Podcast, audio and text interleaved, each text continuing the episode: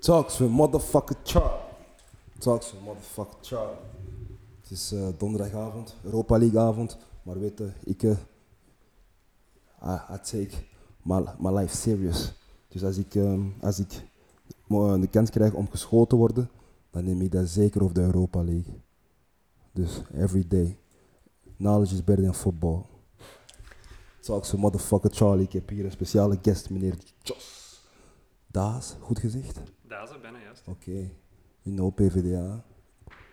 He's gonna teach me something, want ik ben niet zo echt mee met de hele politieke ja, onderwerp. Politiek is heel, is heel vaag voor mij.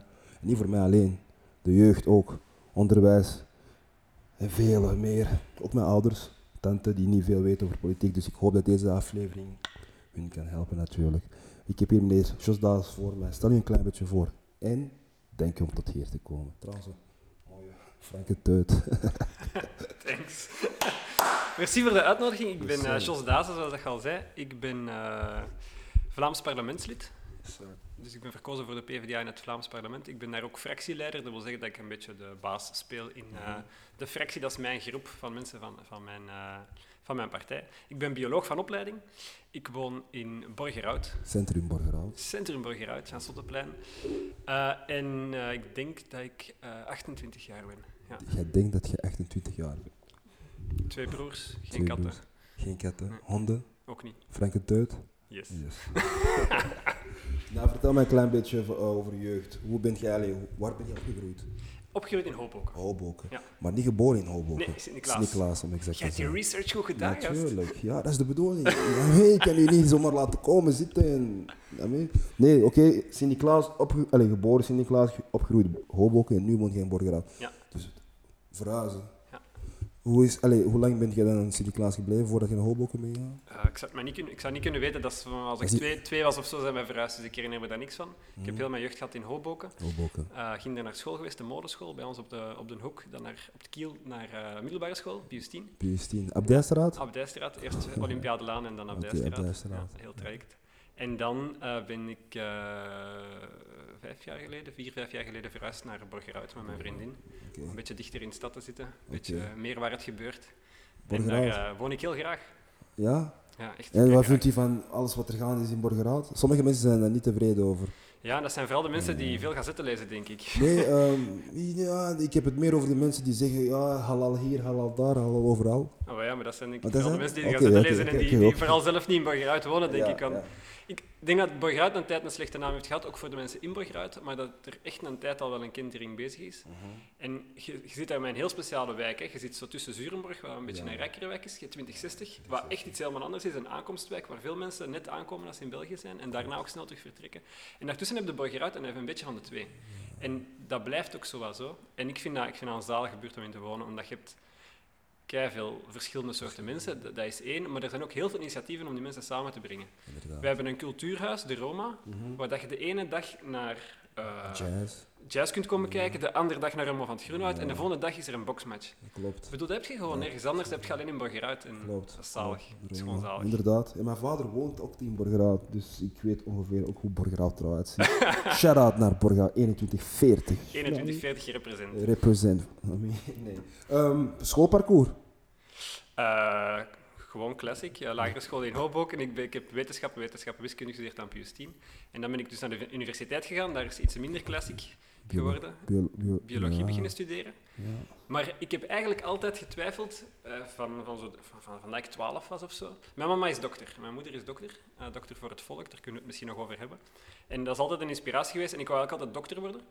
Dan ben ik, toen dat ik 12, 13 was, ben ik in een jeugdbeweging gegaan die niemand zal kennen, de JNM, de Jeugdbond voor Natuur en Milieu. Ja, veel groener en hippier kun je het niet bedenken, maar het was echt wel heel, heel leuk. En van daaruit eh, ben ik beginnen twijfelen om in plaats van dokter te worden, om iets voor de mensen te doen. eh, bioloog te worden, om iets voor de planeet te doen. Klinkt allemaal heel zweverig, ik weet het. Maar dus ik ben dan uiteindelijk begonnen met biologie. Mhm. En na drie jaar biologie heb ik gezegd, shit, moet ik toch niet- dokter worden? En ben ik geneeskunde gaan studeren. Geneeskunde, ja, inderdaad, zeg het. En dan kwamen de verkiezingen eraan en was het van, ah, geneeskunde gaat niet afgeraken op tijd en misschien toch eerder. En dan heb ik mijn biologie afgemaakt om op tijd klaar te zijn om kandidaat te zijn bij de verkiezingen van 2019. Oké, even terug naar uw um, studies. Bioloog, uh, even gestudeerd, ik heb het ook hier geschreven, met een bachelor degree trouwens. Bachelor. Master. Master zelf, so, I'm wrong, he's right. nee, master, dat, dat, is de hoogste, nee, de master. Uh, ik heb geen doctoraat. Oké, okay, dat is nog, er is nog een hoger. I got a lot of work to do. Maar um, ja, ik heb het gezien dat u was afgestudeerd, maar uh, ja, biologie, biolo bioloog, bioloog. Wat houdt dat exact in? Oké, okay, ik ben afgestudeerd, ik ben een bioloog, welke job kan ik gaan doen? Kijk, goede vraag. Heel veel. Biologie is uh, de studie van het leven. Dus dat gaat over heel veel dingen. Plantkunde, dierkunde, dat zijn ja. zo de klassiekers. Ik ben afgestudeerd in de richting ecologie en milieu. Dus alles wat gaat rond milieubescherming, uh, natuurbescherming, natuurbeheer. Om te kijken hoe kun je de schade die de mens aanbrengt aan de natuur mm -hmm. een beetje herstellen. Of mm -hmm. zien dat de twee beter samen kunnen gaan. Dat is eigenlijk waar ik voor ben afgestudeerd. En een, een job kunnen vinden? Nee, want daarna ben ik, ik ben eigenlijk na mijn studies... Direct geneeskunde Nee, nee, dat is tussen mijn, twee, tussen mijn master en mijn uh, bachelor biologie in heb ik mijn geneeskundestudie gedaan. Maar die heb ik niet afgemaakt, hè, voor alle duidelijkheid. Daar heb ik 2,5 jaar van gedaan. Dan ben ik geswitcht. Terug naar biologie, naar mijn master. Dan heb ik die afgemaakt. En dan daarna ben ik direct uh, mij sterk beginnen engageren in de PvdA. En heb ik daarnaast wat, wat ander werk gedaan. Ik heb in de Gamma gewerkt. Ik heb uh, in de macro gewerkt. Ik heb nog in cartoonatie gewerkt. Okay. tijdens mijn studies dan. En van, nou, daarna ben ik verkozen geraakt. En sindsdien is politiek mijn job. Jij kunt van de cartoonatie naar politiek gaan. Dat is de mo dat motivation van vandaag. I mean, dat is dope. Dat is very dope. Want sommige mensen zouden denken, cartoonatie, waarom? Bro. En dan proberen vanuit de politiek om cartoonatie een beetje werkbaarder te maken. Dat is, dan nog, dat, is dan nog, dat, is dan nog, dat is de big boss move trouwens. Oké, okay, en wanneer ben je dan effectief dan in de politiek gerold? Wanneer, um, ja, hoe rolt je zelf in de politiek trouwens? Maar de vraag is wat je verstaat onder de politiek natuurlijk. PVDA bijvoorbeeld. Dat Daar is op mijn 18. Op je 18. Maar eigenlijk vind ik dat ik, ik bezie het allemaal als engagement. Engagement voor van alles. En dat begint voor mij eigenlijk in mijn jeugdbeweging, waar dat wij natuurbeheer deden, maar ook acties deden rond leefbaarheid en rond schone lucht en weet ik wat allemaal. En dan als ik naar de universiteit ben gegaan, ben ik actief geworden in COMAC, dat is de studentenbeweging van de PvdA. En hebben we heel veel acties georganiseerd tegen de verhoging van het inschrijvingsgeld, tegen, voor de eenheid van het land, voor meer solidariteit, uh, voor het klimaat en zo verder. En daar had ik al steeds meer uh, verder in geëngageerd geraakt. En dan heeft men mij op een bepaald moment gevraagd, vanuit de PvdA dan, van zeg, zou jij onze lijst niet willen drukken, want jij kunt het goed uitleggen. Lijsttrekker. Ja. Ik heb dat gezien. De jongste lijsttrekker. Ja, dat was in 2014. En dat betekent exact... 21 jaar. Nee, ik bedoel de, het woord lijsttrekker. lijsttrekker. Een lijsttrekker is, als het verkiezingen zijn, heb je verschillende partijen die, gaan naar de, die, die zich aan de kiezer uh, voorstellen. Ja die vormen een lijst waarop dat evenveel mensen staan als het aantal plaatsen dat er te verkiezen zijn. En degene die bovenaan die lijst staat, op, van bovenop de lijst staat, dat is de lijsttrekker. En dat is zo'n beetje het gezicht van een campagne in een provincie, want iedere provincie heeft andere lijsten. En uh, dat is dan ook de eerste die verkozen geraakt als er een zetel is, die meestal ook de meeste stemmen haalt, omdat hij net bovenaan staat. Die staat meestal op de affiches en zo verder. Weet je, ik, ga jullie, ik, ik, ik zit op AP, ik, ik rechter en zo, en wanneer die, die leerkrachten allemaal uitleggen, dat is Chinees voor mij. Maar wanneer ik de mensen hier krijg, hoe zij dat, is precies dat ik dat gewoon beter snap. en voor. Ja, nee, serieus. op school is dat ook, het kan ook zijn dat we dat met meerdere mensen zijn, moet je dan focussen. Maar hoe, hoe allez, jullie leggen dat gewoon duidelijker uit, precies. Ja, maar, maar ik denk dat men dat ook zo moeilijk mogelijk probeert te maken. Ja, ik snap niet waarom. Dat is ook de manier waarop bijvoorbeeld in een, in een parlement gesproken wordt. Dat is zo moeilijk. Ja, dat is een speciaal soort taal, die wordt nergens anders gesproken, behalve zo in een parlement. En ik denk echt dat dat een functie heeft om te zorgen dat mensen dat ook niet kunnen volgen. En wie dat niet kan volgen, die gaat er zich niet mee moeien. Ja, en wie dat niet kan volgen, moet er ook niet zijn, misschien. Of denkt dat hij er niet moet zijn. Nee, dat is wat zij misschien... Sessa, ja, ja, absoluut. absoluut. Want, en dan kan ik terug naar het onderwijs gaan. Dat is eigenlijk mijn, een van mijn belangrijkste vragen voor mij dan. Mm -hmm. Onderwijs, ik zit in BEZO. Ik krijg, ik krijg amper iets te horen over politiek. Ik word 22, ik krijg een brief. Uh, hey, als je niet komt uh, stemmen, krijg je een boete. Wat doe ik? Oh shit, ik wil geen boete. Ik ga, oh, dat is wel een, oh, die lijkt wel Congolees. Amai. N-V-A. Waarom? De bodyguard van Bart de Wever, toch niet? Hell no. Ik, hell no. Hoe heet die nu? Ik weet wie jij bedoelt. Ik ga, I mean, it's not, it's macho. It's not, hey, maar dat begint met een H in ieder geval. Ja, zoiets. Ja, maar hem niet. Maar ik bedoel gewoon in het algemeen van... Ja, ik snap wel als, als ik, ik zou gewoon kiezen een van mijn broers. Ik weet zelf niet wat hij doet. En dat is niet de bedoeling. En ik weet niet hoe... Allez, hoe zou je dat moeten aanpakken volgens u? Dat is echt totaal absurd. Hè? Er, er, Er is maar één richting op de middelbare school waar politiek een vak is, humane wetenschappen. Ja, ja. Dat is dan in 5 en 6. Dat is op zich een goede zaak. Dat is geen BSO ook niet. dat is, nee, nee, dat is een ASO-richting. Ja. Dat is de enige richting, ook binnen ASO, waar dat, dat is. Maar wat ik helemaal absurd vind, is dat heel veel scholen doen eh, zo politieke dagen of eh, verkiezingsdebatten op school. Sommigen doen dat alleen als verkiezingen zijn, anderen doen dat ieder jaar. En er zijn heel veel scholen, dat is echt maf, waar dat je ASO, BSO en T-richtingen hebt en dat die politieke dagen enkel zijn voor ASO of enkel voor ASO en, BSO, eh, ASO en T. TSO. En ik weet niet, mind is blown als ik dat soort dingen hoor. En gelukkig schuift dat ook wel wat op. Maar ik vind inderdaad dat je in onderwijs plaats moet maken, niet alleen voor politiek, want politiek is niet het belangrijkste in het leven, maar hoe werkt een maatschappij? Maatschappij. Je krijgt op je 18 ook een belastingsbrief in de bus. Wat de fuck moet je Ja, daarmee gaan doen? Ik heb nog altijd stress als ik die envelop in de bus krijg. Ik heb nooit geleerd wat ik ermee moet doen. Maar dat soort dingen moeten wij toch ook leren op school? Inderdaad. Wij zijn vakbond, wij zijn mutualiteit en ziekenkas. Eh, ja, hoe zit onze sociale geschiedenis in elkaar? Dat zijn allemaal dingen die je eigenlijk niet leert. En dat zijn net handvaten die je volgens mij nodig hebt voor zelf stevig in het leven te staan. Maar ook om iets aan de wereld rondom u te kunnen doen. En daar wordt heel weinig meegegeven. En je hebt helemaal gelijk, nog het minste in BSO. Minste. En wat u daar zegt, inderdaad, school zou zich moeten focussen, allez, onderwijs zou zich moeten focussen op het dagelijkse leven, wat er nu gebeurt. En hoe kunnen we de, jongens, de jongere generatie, al zijn ze hun bezig, vooruit brengen. En ik vind, maar politiek, ik heb, ik heb, eh, iemand heeft mij verteld dat politiek is alles. Het leven in de maatschappij is politiek. Ga naar de post, de post is open door, omdat de politiek besloten heeft dat de post En politiek is gewoon alles. En, en daarom vind ik dat scholen misschien zich misschien moeten aanpassen, een klein beetje. Maar ja, dat is van bovenop. Dan, hè. Ja, maar dat gaat over veel dingen. Hè. Bijvoorbeeld nu heel het debat, dat is misschien een moeilijk debat, maar rond homohaat dat we nu hebben na de moord in Beveren. Welke plaats heeft dat op een school?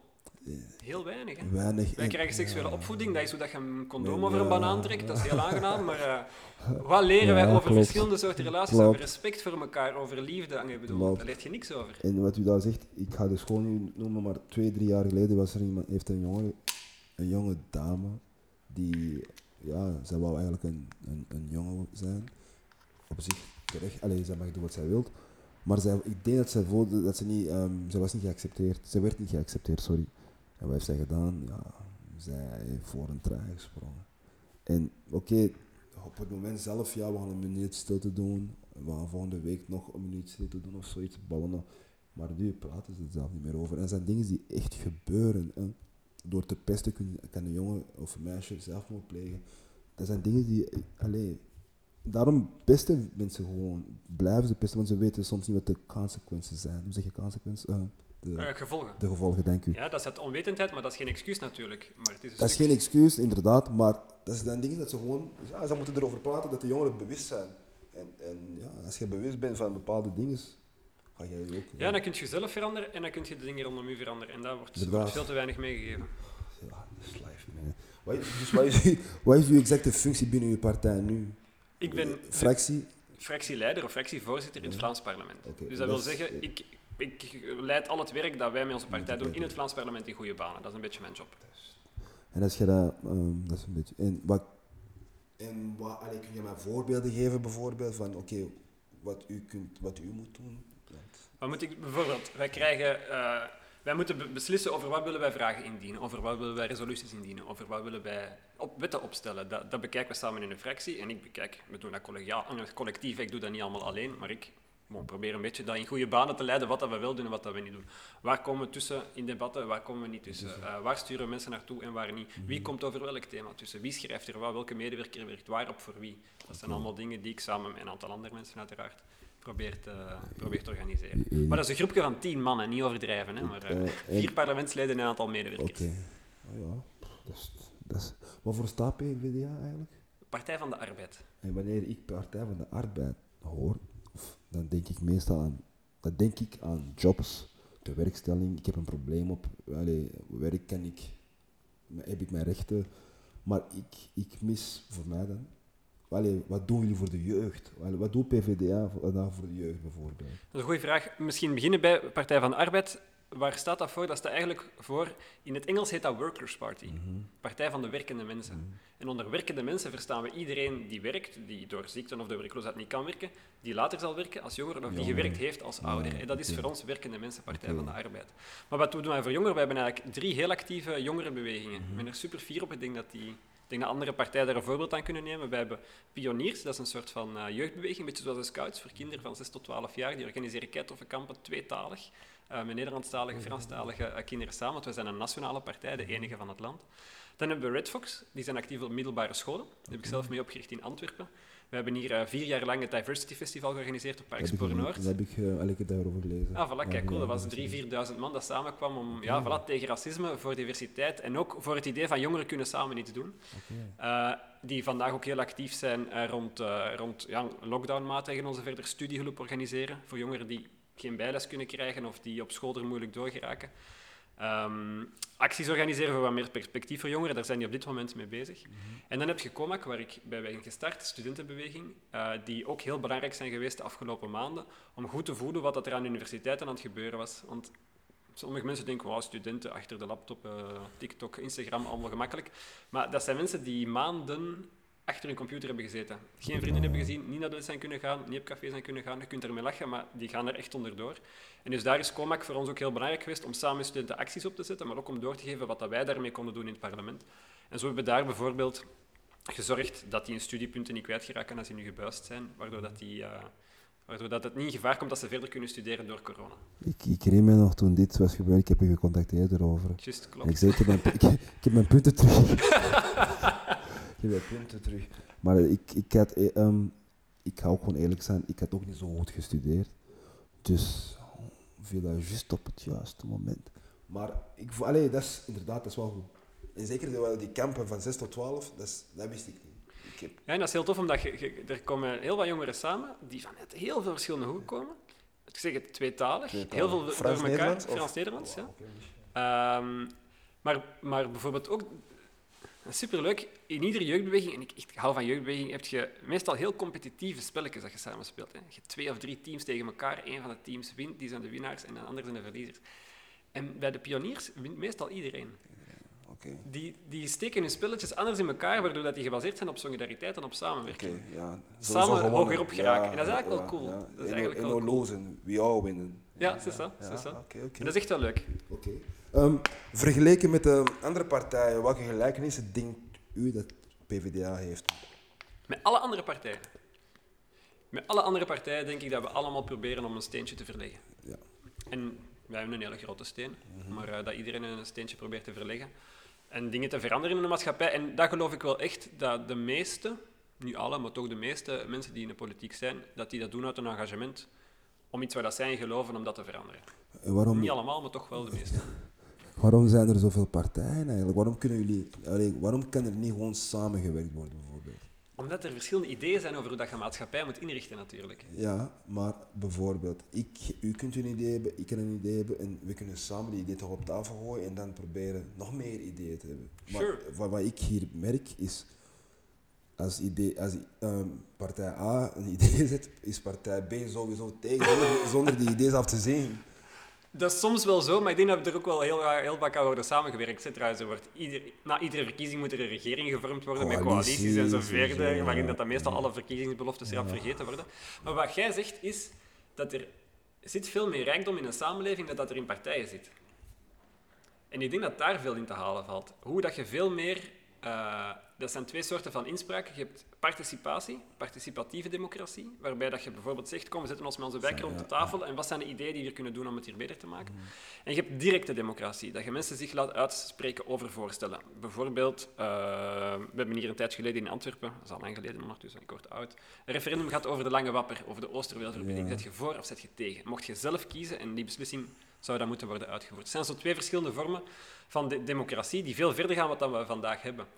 Want op zich heb ik er geen probleem mee dat er veel of weinig partijen zijn. Maar ik vind wel dat onze democratie heel beperkt is. In die zin, je mocht om de vijf of zes jaar gaan stemmen. Eh, geïnformeerd of minder geïnformeerd. eh, met een stevig gedacht of met een minder stevig gedacht. En daarna wordt er vijf of zes jaar niet meer naar je mening gevraagd. En voor de verkiezingen belooft iedereen van alles. En na de verkiezingen doen die vaak het omgekeerde. En dus daar ontbreekt echt iets in onze, in ons, ja, in onze democratie. Op dat vlak vind ik die heel onvolwassen of zo. Eh kan er nog veel aan veranderen. Aha, ja. Eh, en ook, ja, zoals u zegt, u stemt vandaag en zes jaar later moet u terugstemmen. Die zes jaar zijn eigenlijk zes lege jaren. En dan, de- Democratisch vlak wel, ja. Dan moet ik terugstemmen en terug opnieuw. Dat is een hele cycle, vind ik. En dat is jammer. En hoe, hoe, hoe pakken jullie, of allee, hoe pakken jullie eh, discriminatie aan? Allee, wat willen jullie doen? Want wij- laten we ook niet liegen, wij leven in een land waar racisme bestaat, discriminatie bestaat. Maakt niet uit dat de huiskleur is, vrouw naar man, man naar vrouw. Ja, nog meerdere dingen. Dus hoe, allee, hoe willen jullie dat aanpakken? Maar er zijn veel dingen die moeten gebeuren. Hè. We hebben al over onderwijs gesproken. Ik denk dat daar al een belangrijke rol is. Maar ik denk dat een van de belangrijkste maatregelen op dit moment, om, waar dat discriminatie voor heel veel mensen een probleem is om je leven uit te bouwen, zijn als je een huis zoekt of een Huis appartement en als je een job, Job zoekt. zoekt, ja. Dat zijn, nee, ik heb zelf geen last van discriminatie. Ik ben een witte man. Hè. Je kunt het moeilijk beter hebben in, eh, in ja. deze samenleving. Ja. Ehm, maar dat is toch wat ik begrijp, dat je de grootste obstakels tegenkomt. Zeker als je bijvoorbeeld als jonge gast hè, in het leven wilt stappen, dan zoek je een job en je zoekt een plek om te wonen. Hè. En dus daar denk ik dat een hele belangrijke maatregel is om praktijktesten in te voeren. Dus wat gebeurt er? Je hebt discriminatie op de huurmarkt bijvoorbeeld. Ik verhuur een appartement. Ik krijg uit tien mensen die mij een mail sturen, mag ik eens komen kijken. En ik pik diegene met een Belgische naam eruit en de andere zeg ik, nee, sorry, het is al verhuurd. Dat is discriminatie. Ja. Uiteraard mocht jij zelf kiezen met wie dat je de beste klik hebt om in je appartement te komen. Dat is iedereen zijn vrijheid. Maar je mocht niet mensen tegenhouden op basis van hun naam, zonder dat je weet wie dat ze zijn. En om dat vast... Sorry ja, dat ik onderbreek. zeg maar. Wanneer u dat zegt, ehm, ik zie een naam bijvoorbeeld, ja, Charlie Badibanga. U, hebt, u zegt juist, hij heeft de vrijheid, of zij heeft de vrijheid om te kiezen wie hij of zij wilt. Maar als ze Charlie Badibanga zien, oh, nee, liever die. Dat is nog steeds, dat is toch, allee, die heeft toch de vrijheid om dat ook te zeggen, normaal gezien? Nee, dat is discriminatie. Dat is- Daarvoor bestaat een wet. En dat En mag ik weet niet. Dat, ik weet dat is discri- discriminatie, maar dat ligt toch ook zo dicht bij elkaar. Dat ligt veel dichter bij elkaar, dat is zo. Maar ik ga proberen uit te leggen wat ik, wat ik ermee bedoel. Je kan dat heel moeilijk vaststellen. Stel, jij, gaat- jij, jij stuurt een mail naar eh, een appartement en die zegt het is verhuurd. Weet jij veel of dat eh, discriminatie is of niet? Die kan ook gewoon effectief verhuurd zijn. Hoe kun je dat wel vaststellen? Dat is door Test, doen. testen te doen. Dus naar... Jos eh, Daas, doe jij dat eens? Voilà, inderdaad. Je gaan met twee verschillende namen die voor de rest hetzelfde profiel hebben, hetzelfde inkomen, spreken allebei goed Nederlands of allebei slecht Nederlands, whatever. Je stuurt met dezelfde profielen mails en je kijkt, wordt er anders gereageerd. Dan heb je een praktijktest. En wat je dan kunt gaan doen is interessant, omdat het ligt allemaal dicht bij elkaar. Hè. Wat je dan kunt gaan doen is interessant en dan kun je aan die persoon van de, die de huis verhuurt gaan zeggen, heb jij door dat je mensen op andere manier aan het behandelen bent? Dat is een eerste belangrijke vraag om te stellen. Want niet iedereen is een gewortelde racist op het Vlaams Belang stemt en die makakke roept tegen iedereen die voorbij komt. Hè? Niet iedereen, er zijn er, maar niet iedereen is zo. Dus je kunt met die mensen gaan praten. En net je verschillende soorten. Je hebt er je hebt verschillende soorten mensen. Je hebt mensen die dat onbewust doen omdat er, zoals gezegd, heel veel racisme en discriminatie in de samenleving aanwezig is en veel onwetendheid is. En die, wanneer dat je hen bewust maakt van het feit dat ze dat doen, daar ook zelf tegen ja, kunnen optreden en dat kunnen corrigeren. Dan heb je mensen die wat hardlezer zijn en waar dat je bijvoorbeeld vorming aan gaat moeten geven, sensibilisering gaat moeten doen, na een half jaar nog eens testen of dat beter is en kijken of dat je die kunt verbeteren. En dan heb je een hele kleine groep die dat je nooit gaat kunnen veranderen. En daar heb je dan sancties voor nodig. Maar dat maakt, want je, het ligt allemaal dicht bij elkaar, maar ik geloof echt dat door iedereen op zijn minst al de kans te geven om te komen kijken en die huiseigenaar in de ogen te zien, ik denk dat dat een groot verschil maakt. Want ik merk heel erg dat vanaf dat je van mens tot mens je kunt verhouden, is iets helemaal ja, anders dan ja. oeh, die heeft een rare naam, of die heeft een andere kleur, of die heeft waarschijnlijk een andere religie dan ik. Als je van mens tot mens elkaar kunt zien, ik zeg niet dat alles is opgelost, maar dat is toch een stap dichter Stap bij elkaar begrijpen. En dat is eigenlijk wat ze doen, is dan eerst, you judge the book by the cover, zonder die boek te lezen eigenlijk. Maar wanneer jij die eerste pagina, oh, dat is eigenlijk wel een interessante. Ja, oké. ja, En wie weet heeft je dat wel zin om de rest van het boek te Ja, lezen. inderdaad, inderdaad. En wat u zegt klopt. En, en ik, ik gebruik altijd deze voorbeeld. Eh, de oma van mijn zoon. Want mijn oudste is half donker en half wit, zoals u dat zegt. Trouwens, wat is de juiste wo- woord? Wit of blank? Ik heb begrepen dat wit beter is, dus ik zeg wit. Maar Eh, Een paar dagen geleden heeft iemand tegen mij gezegd blank. er, er, Dat is, is- dat is ook nog er, is moeilijk, een, er is een beweging die zegt dat blank een woord is dat, komt, dat blank synoniem staat voor rein. En dus een positieve connotatie hangt aan huidskleur. En dat het dus beter is om wit te zeggen. Wel, wie ben ik om dat tegen te spreken? Ik heb daar geen probleem mee om mezelf wit te noemen. Ik, ik ben zo wit als dat jij zwart bent. hè. Ja, hey, pas op, hè. ik ben niet zwart. Ah, dat is juist dat ik wil Ja, zeggen. hey, hey, deze is zwart. Ah, wel, dat is juist dat ik- en dit is wit, maar dat ben ik ook Nee, niet. Maar ja, wat is blank? Ik ben beige. Zullen we de- Ik stel voor dat we dat morgen lanceren. Een nieuwe beweging. Ja, oh, Yo, beige is niet racistisch trouwens. Me, me wie Of cool. licht, lichtroze? Yo, weet je, toen ik jong was, op school, ik kleurde de, de, de, beige mensen, nee, de witte mensen kleurde ik roze toen. Want ja, wat ga ik doen? Wit kleuren op een wit papier ging nooit. nee, dat is wat ik vroeger deed. En inderdaad, de zwarte kleurde ik echt zwart. Allee, de bruine, de Afrikanen, man. Ik, um, damn, I forgot what I was going to say. Ik dacht al, nu gaat hij niet meer weten waar dat hij over bezig was. nee, nee, nee, nee, echt waar. Maar dat, was ook geen, dat is ook geen vraag dat ik had geschreven. Je was bezig over je zoon. Oh ja, thank you. Dat is geen vraag dat ik heb geschreven. Maar ja, um, een voorbeeld dat ik altijd gebruik is mijn zoon. Uh, mijn zoon Joel, shout out to my boy, my first son. Years old. Um, hij is dus half... Allee, mensen zeggen altijd dit, hè. Hij is kwart Pool, dus 25%. 25% Duits, Congolees en je kunt ook zeggen Angolees of Malinees. Ingewikkeld. Ingewikkeld. Maar zijn oma, los van alles, is gewoon een witte vrouw, blanke vrouw, um, ja, Poolse vrouw. Hij is geboren, zij draagt hem. Je ziet de liefde in haar ogen. Hè. Echt, joh, mijn klein kindje, mijn eerste bruine kleinkind. Want zij heeft haar andere. Ze zegt, oh, hij heeft echt mooie negerharen. I'm like, yo. En ik heb, weet je... Gezellig op familiefeest. Ja, weet je, uh, ik kom... Zo, ja, ik wist niet wat ik moest. Ik stond daar en weet, ik ben blij dat het een vrouw was die heeft gezegd. En dat dat geen man was. Want ik weet niet hoe ik had gereageerd als dat een man was. Maar dat was de oma. Dus ik zei, joh, ik weet dat je dat niet verkeerd hebt bedoeld. Maar weet jij wel wat dat betekent voor mij? Wat heb ik verkeerd gezegd? Dat is toch want ze zijn zo opgegroeid, zij is van Genk, Sieman tijden, die noemen alles wat er gewoon, oef, nee. En dat is, on, dat is onwetendheid. En wat ik ermee bedoel is gewoon van, zij is geen racist. Maar als je dat ook niet laat weten, gaan ze dat gewoon blijven doen. En ze wordt wel beïnvloed door al die ideeën rond haar. Ja, en, en tot deze dag heb ik haar nooit meer dat horen zeggen. En hij is geboren in 2012, dat is nu negen jaar bijna.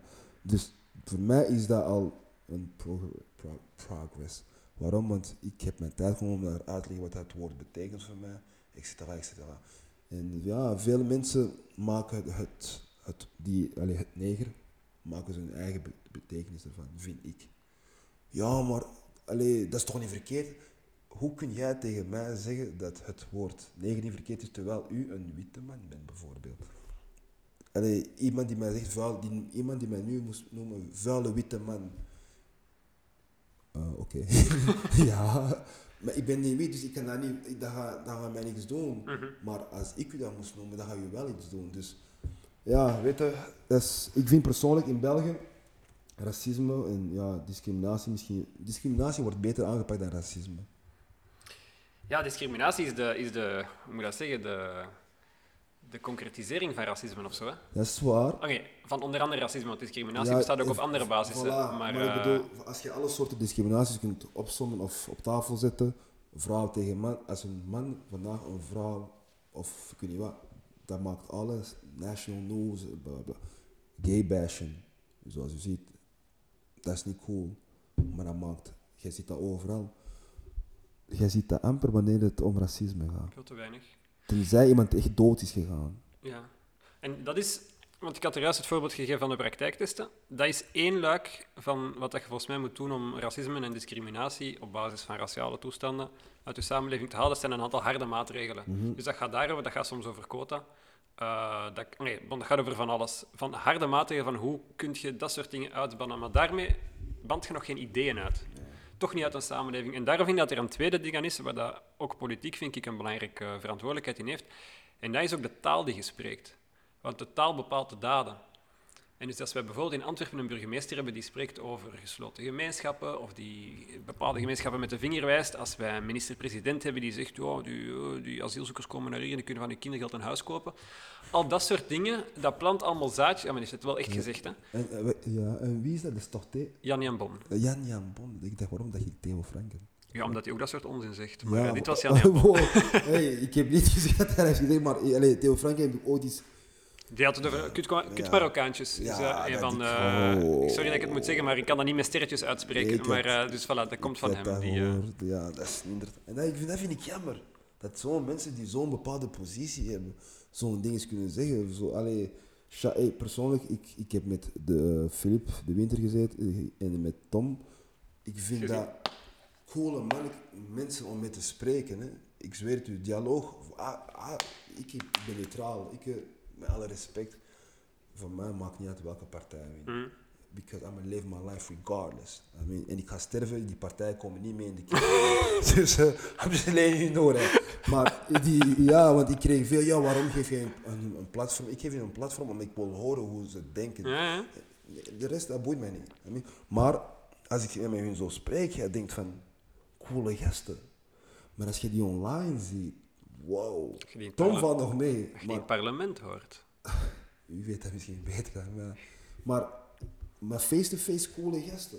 I swear, ik, ik heb ervan genoten. En ook gewoon de... Yo, Philip, yo, zeg je trouwens een motherfucker Charlie. Ja, nee, eigen volk eerst. Ik heb ermee gelachen. Maar als ik die, part- die mensen online zie... Meneer Van Langen, nou, ja, meneer Dries. Als ik Dries, van- Dries online zie, ik zeg, Yo, like, what is wrong with y'all? Like, wat zijn jullie allemaal aan het doen? Wat willen jullie? Willen verdeeldheid of zo? Ja. Like, wat is het? Dus mijn vraag is, stel je voor, een partij wint, beslissen ze dan ook? Kunnen ze veel meer beslissen of zo? Hoe bedoel je? Ik wil die partij niet benoemen, maar ik ga gewoon zeggen, stel je voor, Vlaams Belang moest morgen de grootste partij worden Ja. van, wauw, ik weet niet, België. Wat gebeurt er dan? Ze kunnen pas zelf beslissen wat ze doen als ze groter zijn dan de helft van alle stemmen. Oké. Dus daar moet al wel een en ander voor gebeuren. Dat is meer dan 50 procent. Op het moment zitten die op 25 of zo. Maar ik zeg niet dat dat onmogelijk is. België weet je nooit. En op dat moment heb je in dit systeem heel veel te zeggen. Maar dat wil niet zeggen dat je daar vanuit de samenleving geen verzet tegen kunt doen, ook niet. Maar normaal gezien moet je... We hebben nog al, denk ik, 100 of 150 jaar geen situatie niet meer gehad waar dat een partij meer dan de helft van de stemmen heeft. Dus je moet eigenlijk altijd zoeken naar coalities. Coalitie. Coalitie is eigenlijk Een samenwerking. samenwerking ja. tussen verschillende partijen. Om samen een meerderheid, en een meerderheid is dan een, een letterlijk een meerderheid van de stemmen in een parlement. In het Vlaams parlement zijn er 124 parlementsleden, dus je hebt minimum, rap gerekend, amai, eh 63 eh, parlementsleden nodig om een meerderheid te hebben. Ik ga u even eh, een complimentje geven. Nee. Hoe weet je dat allemaal? Allee, dat Dat is mijn job, ik zit daar. 124, ja, daar heb je 365. oh, dat is doof. Ja, 124 is het aantal dat we daar zitten, dat is, dat is, ja, Dat is- ik zit daar iedere dag. Dus. En dat is, is dat niet zoveel dat je moet onthouden? Ja, maar jij onthoudt toch ook veel? Wat studeert je rechten? Nee, dat is toch niet dat ik, dat is niet wat ik heb Je gezegd. had op. AP gezegd iets? Ja, ik zit op HP en rechten is mijn vak. Ah, oké. Maar ja. Om rechten te studeren, mijn neef studeert rechten trouwens. Ik, ik, ik, eh, ik studeer maatschappelijk werk. Ik werk als jongerenbegeleider. En ik, ik moet ook inderdaad biologie krijgen. En soms vraag ik me af, waarom moet ik biologie? maar nu dat ik naar u luister, biologie is veel. Maar inderdaad, ehm, ja, ik, weet dat niet. Hè. Dan moet je dat ook veel onthouden. Ja. Maatschappelijk werker? Amai. Ja, maar ken er een paar, mijn, maar, eh, Mijn, mijn job wel is, mijn job is wel veel onthouden, bijvoorbeeld. En dan, dan heb ik het meer over de problematie, eh, de problemen, de, de namen. eh, dus naar waar je moet gaan, maar niet van... Ja, ik heb in deze kamer... dat- Nee, dat is, ik vind dat, dat is echt wauw. Daarom chapeau. Jij, jij, dan weer allemaal modellen, hoe dat je omgaat met agressie, hoe dat je omgaat met sociale problemen, welke Ja. diensten dat je moet contacteren voor, voor waar. welk issue, Ja, ja. eh, hoe dat je mensen verder... Je weet waarschijnlijk de telefoonnummers van die diensten uit je hoofd. Ik ken ook mijn van Dat ken ik ook. Dat ken ik ook. Dat heb ik zo vaak moeten ingeven dat ik dat... Ik, eh, ik, eh, jij weet wanneer ik dat moest ingeven? Eh, Toen de politie, en trouwens, politie, politie is je friend aan Noord. hè. Dat is gewoon een kleine, korte, bonte verhaal. Ik was sta, uh, Borgerhout, de beste straat waar de politie altijd is. Ehm, Nadeel aan Borgerhout. ja, dat is wel een nadeel. Maar ik denk dat zij daar zelf voor zorgen soms. Maar long story short, ik was in een auto en ik had mijn, mijn pas niet bij. Ik was met mijn broer, mijn zoontje was misschien twee jaar. Ik zat in achter de bank. En ze hadden eigenlijk een misidentification. Dus ze zochten eigenlijk ons niet, maar er waren vier zwarte mannen. Dus ja, de beste zwarte mannen die wij zien, dat pakken we. En een van die politieagenten, sorry, klopt met zijn geweer tegen de raam. Mijn broer zit aan de passagierkant en ik zit van achter met mijn zoon. En de twee anderen die daar zaten waren lichter. Dus ze, ze zochten een donkere persoon. Dus niemand was aan die kant. dus ze zijn aan deze kant gekomen, mijn broer was van voor.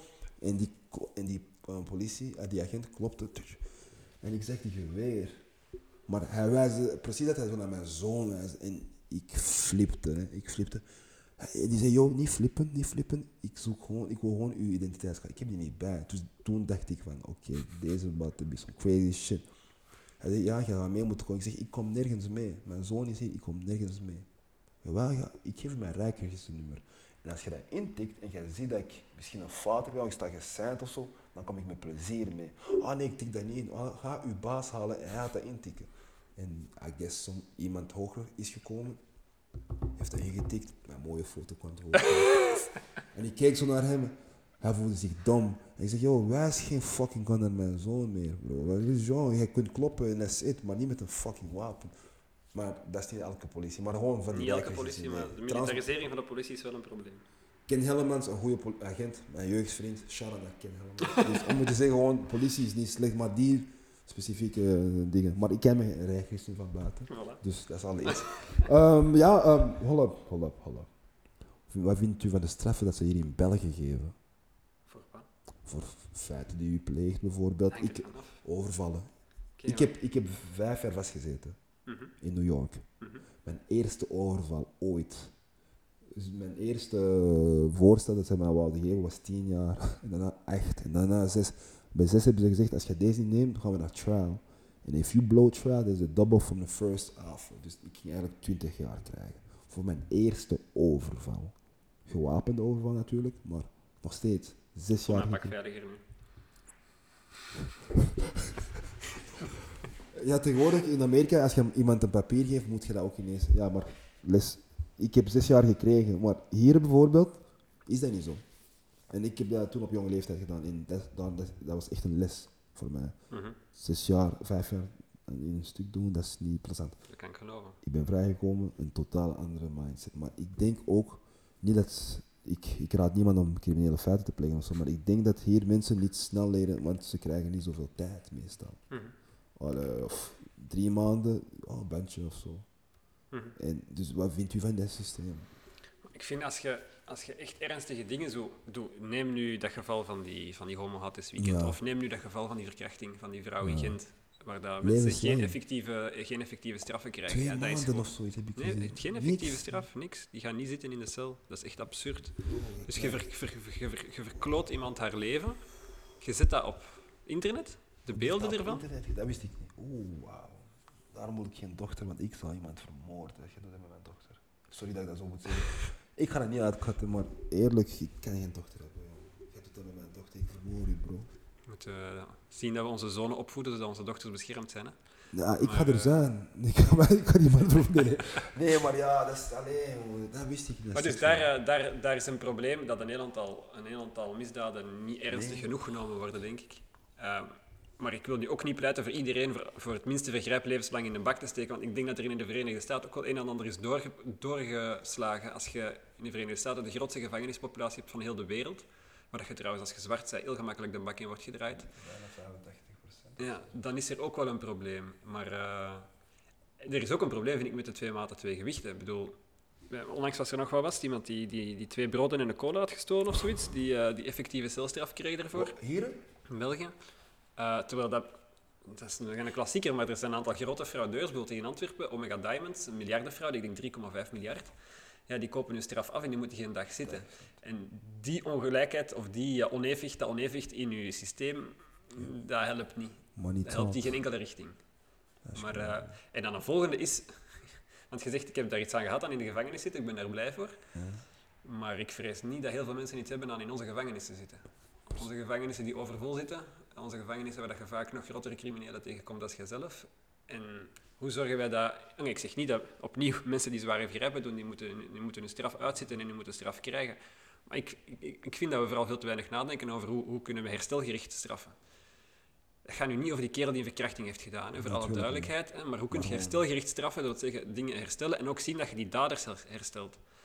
En ik ben daar echt geen specialist in, ik ga daar geen eh, zotte ideeën over lanceren, maar ik denk niet dat enkel bij mensen in een bak te steken is dat je een samenleving beter maakt. Maar ik denk wel dat sommige mensen in een bak horen, voor alle duidelijkheid. Ja, en ik ben ook mee. Allee, dat begrijp ik u en ik kan u klein volgen. Natuurlijk, als je zware feiten pleegt, ja, jail is jail. Maar je kunt ook, want toen ik was zat, kreeg je bijvoorbeeld, als je een drugsfeit hebt gepleegd, kreeg je een drugsprogramma. Mhm. En als je agressieve feiten, wat ik had gedaan, kreeg je ART, Anger Replacement Training. Mhm. Zo die dingen om u ook voorbereid, te- voor te bereiden naar de toekomst. Ja. Van oké, hoe zou jij reageren moest je nu weer in zo'n situatie zitten, hoe zou je erover nadenken? Ehm, ja, denk misschien tien keer na voordat je iets doet. En ik denk dat, dat is wat ze ook missen hier in de, in de, in de gevangenis. Ik weet niet dat exact... Ja, Ik heb hier nog nooit in de gevangenis gezeten, dus ik, Ik weet niet hoe dat er vrienden- aan toe gaat. Maar dat soort dingen heb je volgens mij wel nodig. Ik weet niet of dat... Ja, ik ik heb niet de indruk dat er genoeg gebeurt, in elk geval. genoeg. Misschien hebben ze dat wel, maar, maar bijvoorbeeld toen ik vastzat, jij moet naar school gaan tot je 18e. Mhm. Zolang dat je die diploma niet hebt, blijf je niet in die cel. Je moet naar school gaan. Dat zijn dingen, ze, ze, echt, ze werken echt naar u om u te helpen voor in de toekomst. Mhm. Maar ze geven wel harde straffen. Ja, dat wel. Maar dat is misschien wel een goede combinatie. Ja, ja ik, heb, allee, ik zelf ik heb ervan geleerd. Eerlijk gezegd, ik ga nooit meer in de gevangenis in, tenzij mijn dochter. ja, dat is het enige. Ehm, ja, Let's hope not. les hoop naar. Bent u een gelovige individu? Nee, ja. Ik geloof in de goedheid van de mens, Goedheid maar verder mens. niet. En van waar komt dat, die goedheid van de mens? Eh, Wij zijn biologisch zo geprogrammeerd. Biologisch. Wij zijn als mens wij zijn een ongelooflijk zwak wezen. Hè? Als je dat vergelijkt met anderen, wij komen totaal hulpeloos uit een baarmoeder, we kunnen niks. Wij hebben geen eh, scherpe nagels, wij kunnen niet bijzonder hard lopen, we kunnen niet vliegen of goed zwemmen. Wij kunnen wel goed denken. Maar de enige manier waarop dat wij zijn gekomen op het punt waar dat we heel de wereld overheersen, is doordat wij samenwerken. Samenwerken. En dat zit heel diep in ons, eh, in ons biologisch zijn. Echt waar. En je hebt daarnaast, dat is hetgeen dat wij als mensen hebben ontwikkeld en dat onze voorrang heeft gegeven op andere chimpansees en orangutangs en zo verder. Dat is waarom dat wij vooruit zijn geraakt en zij nog altijd in de bomen leven, waar dan niks op tegen is. Maar eh, voilà, wij heersen wel over de wereld op dit moment. Eh, dat is hetgeen dat wij hebben ontwikkeld verder in de evolutie, maar we hebben ook nog achter in ons hoofd ons reptiele brein zitten. En ons reptiele brein, dat denkt er anders over. Dat is een egoïstisch brein. Ja, En die twee, die, concurreren met elkaar. En wat heel belangrijk is, is dat het ook de samenleving is die bepaalt wat de bovenhand krijgt.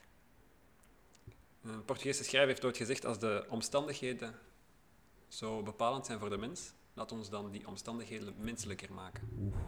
En dat denk, ik- denk ik een heel belangrijke, als het gaat over racisme, als het gaat over homohaat, als het gaat over solidariteit, dan kun je werken op iedereen zijn individuele verantwoordelijkheid en dat is kei belangrijk.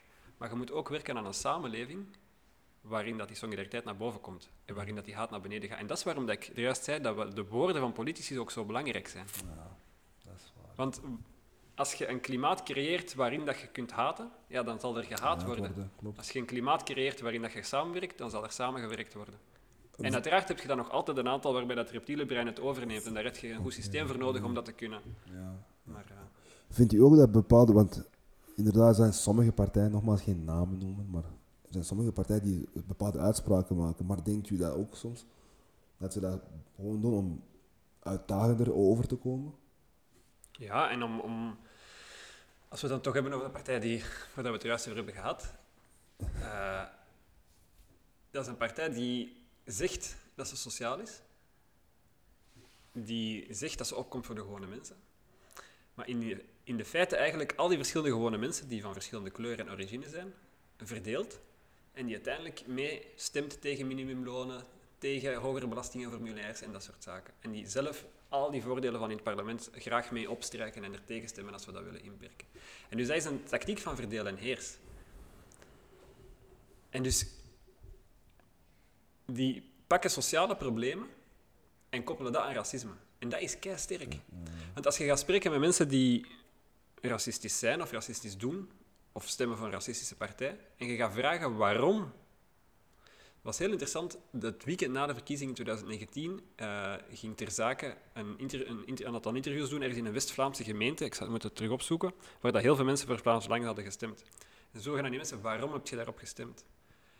Het ene was omdat zijn kinderen geen werk vonden, de andere omdat zijn pensioen te laag was, en de derde, dat weet ik niet meer, omdat hij langer moest werken of zoiets.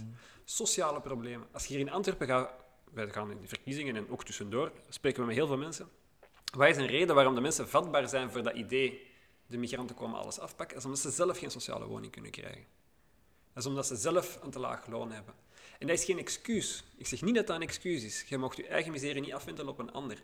Maar dat is wel een voedingsbodem. En die moet je aanpakken. En dat is niet wat het Vlaams Belang doet. Het Vlaams Belang gebruikt die voedingsbodem om racisme te, te zaaien en, en, en groot te doen worden. En op die manier mensen te verdelen. Maar dat maakt net, en dan is de cirkel rond, dat die verschillende mensen die allemaal hetzelfde probleem hebben, namelijk dat er te weinig sociale woningen zijn, tegen elkaar gaan vechten in plaats van samen op te komen voor meer sociale woningen.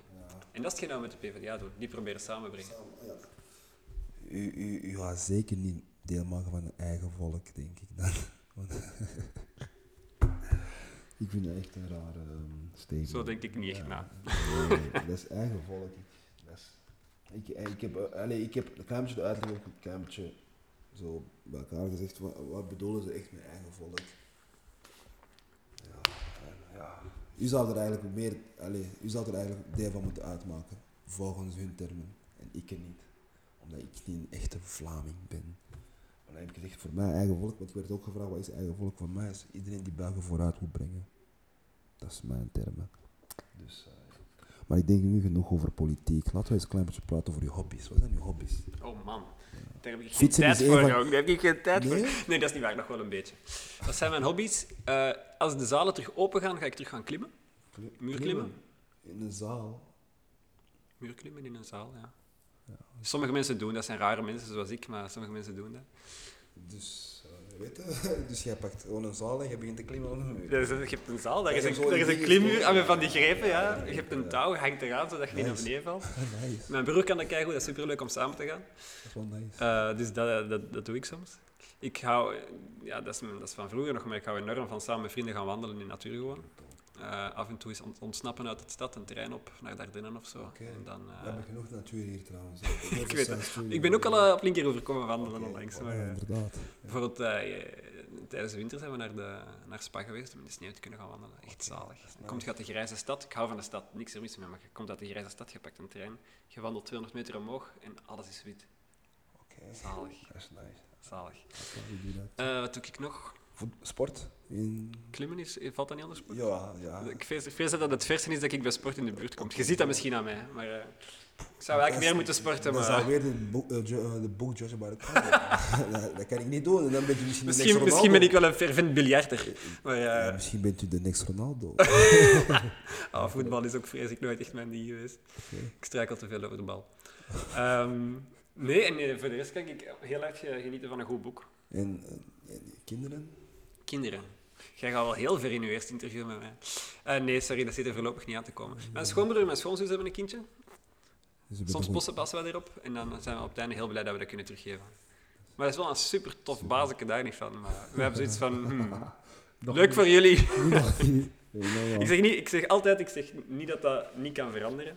Maar op dit moment... Maar ik denk, wanneer jij die kleine Jos Daas Jr. in je handen gaat hebben, dat dat allemaal gaat veranderen. Maar ja, we moeten hem eerst maken en daar moeten we nog wel eerst een beslissing Ja, nemen. inderdaad. Plus, zo na een hele lockdown, ik heb zo heel veel jonge ouders met kinderen toch wel zien afzien tijdens... Ik eh, niet. Nee? Nee, man, niet. Maar voilà. Behalve mijn, alleen mijn jongste, eh, hij stoort mij eigenlijk niet. Zolang dat hij op mijn grond lopen, is hij cool. Mijn oudste is fall back. Hij is zijn taken doen, tv of Fortnite. Chill. Jij weet zelf niet dat hij daar is. Dus ik heb helemaal niet even gezien. Dus, Ah, maar dat is te weten. Dat mean, zeg mij raad. Ik zeg het, wie weet verandert dat nog. Wie weet, echt dit gesprek een zaadje. Maar ik denk het niet. Nee, nee dus geen sportfan. Ehm, nogmaals, eerst en vooral moet ik nog, nogmaals bedenken om tot hier te komen. Ja. Trouwens, waarom bent u tot hier gekomen? Waarom hebt u geaccepteerd om tot hier te komen? Als je vraagt of ik tot hier moet komen en jij ziet er sympathieke gast uit, dan kom ik toch af. Oké, dat appreciate it. Appreciate it. Dus, Nee, ja. Oké, dat Je wordt, ik word, er zijn zo heel veel eh, middelbare scholieren en zo die hun eindwerk moeten maken en zo. En eh, ik probeer er zoveel mogelijk aan mee te doen, maar dat lukt echt niet altijd. Maar ik vond deze cool project, plus ik, eh, ik ken Rivers- Riverside Studio wel van naam en ik ken Young B en zo wel een beetje. Maar, Mijn jongere broer. ah, dat is jongere broer. Ja. Maar ik was hier nog nooit geweest, dus ik dacht, kom aan, hop, ja. En dan stond ik in het verkeerde gebouw. Dat is Maar, eh, dat is niet- Trouwens, dat is een samenwerking. hè. Ja, Eh, ja, ja. Pirates, die bij ons, ehm, dat was onze eerste sponsor, laten we dat zo zeggen. En door hun hebben wij deze eigenlijk kunnen waarmaken. Dat we de jongeren helpen, talenten ontwikkelen, jongeren van de straat halen, et cetera, et cetera. Eh, Die doen grave dingen. grave dingen, maar ik denk dat jij ook grave dingen doet. Maar We doen ons best. de volgende vraag ben eens benieuwd hoe jij dit gaat antwoorden. Tadadadam. Met 24 uur te leven, wat zou Jos Daas doen? Heeft nog nooit niemand gevraagd. Dat is niet erg, talk some motherfucker Charlie's hier. Eerste keer. Voor alles. ik 24 uur te leven had. Ik denk dat ik al mijn vrienden en kennissen zou verzamelen. Verzamelen. En ja, ons amuseren. Ik ken een, een, een kennis van mij, een, ehm, een vrouw die heeft eh, had ik, borstkanker, geloof ik. Nee, een, vriend van, een goede vriendin van mijn, eh, van mijn ouders. Die had borstkanker, die ging nog eh, twee jaar te leven hebben of zo, en die heeft nog 20 of 30 jaar geleefd. Maar op het einde was het wel op. En die ging euthanasie plegen. En eh, de dag voordat ze euthanasie pleegt, uh, nodigt ze alle vrienden uit thuis voor een laatste keer samen te komen. Dat is letterlijk 24 uur. En daarna is ze gestorven zonder euthanasie. Oeh. Ik, dat is toch de mooiste dood dat je kunt indenken? En u gelooft niet in God? Nog altijd niet. maar dat is wel, Ja, dat is wel dat als is- je dat nog 24 uur hebt, dan is het menselijk contact en dat opzuigen is volgens mij... eh, het gaat dan ook boven een wandeling in de natuur of zo. zou, zou u graag willen weten dat wanneer u 24 uur te leven? Of wilt u dat liever niet weten? Ik denk dat als, als je dat goed echt kunt timen, zo, ja, dan misschien liever wel, ja. Als er toch niet, als er niet meer aan het ontkomen valt, dan, dan wel. Dan kun je tenminste nog zien dat je niet, eh, weet ik wat, Netflix aan het kijken bent of zo. Dat zou echt wel jammer zijn om je laatste 24 uur op die manier door te brengen. Nee, trouwens niet, alleen, niet als je How to Get Away with Murder kijkt. dat is een goede serie. Ik kan wel sterven terwijl ik dan... Ja, waarom niet? Bij deze is de vraag nu omgekeerde richting Ja. beantwoord. eh. Ja, ik zou houden weer. Nee, nee, nee. ik zou met mijn zoon. Ik zou eigenlijk hetzelfde doen, maar nu met mijn zoon. Ja, dat kan ik geloven. Ja, ik ben- Dat kan ik papa gaat weg, maar you gonna be here. Make this legacy worth it. I mean, ik wil meneer Jos Daas bedanken.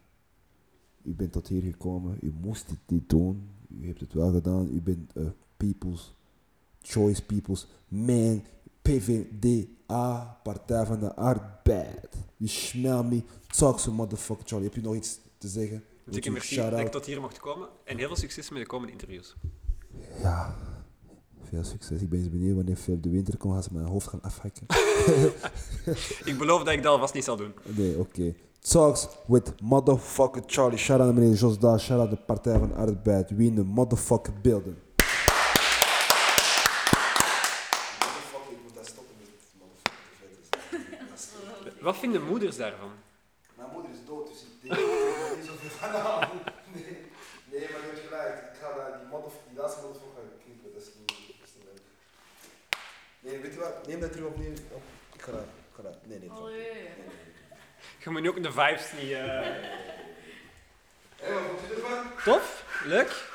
Leuke afwisseling van verschillende soorten vragen. Ja, want ik, ik, dat is de bedoeling ook. Hè. Dat is, want ik kijk, alleen, ik kijk soms naar, eh, naar jullie. Wacht, ik ga ook. Ja, Ik heb uitgedaan, ja, enkel Kijk. deze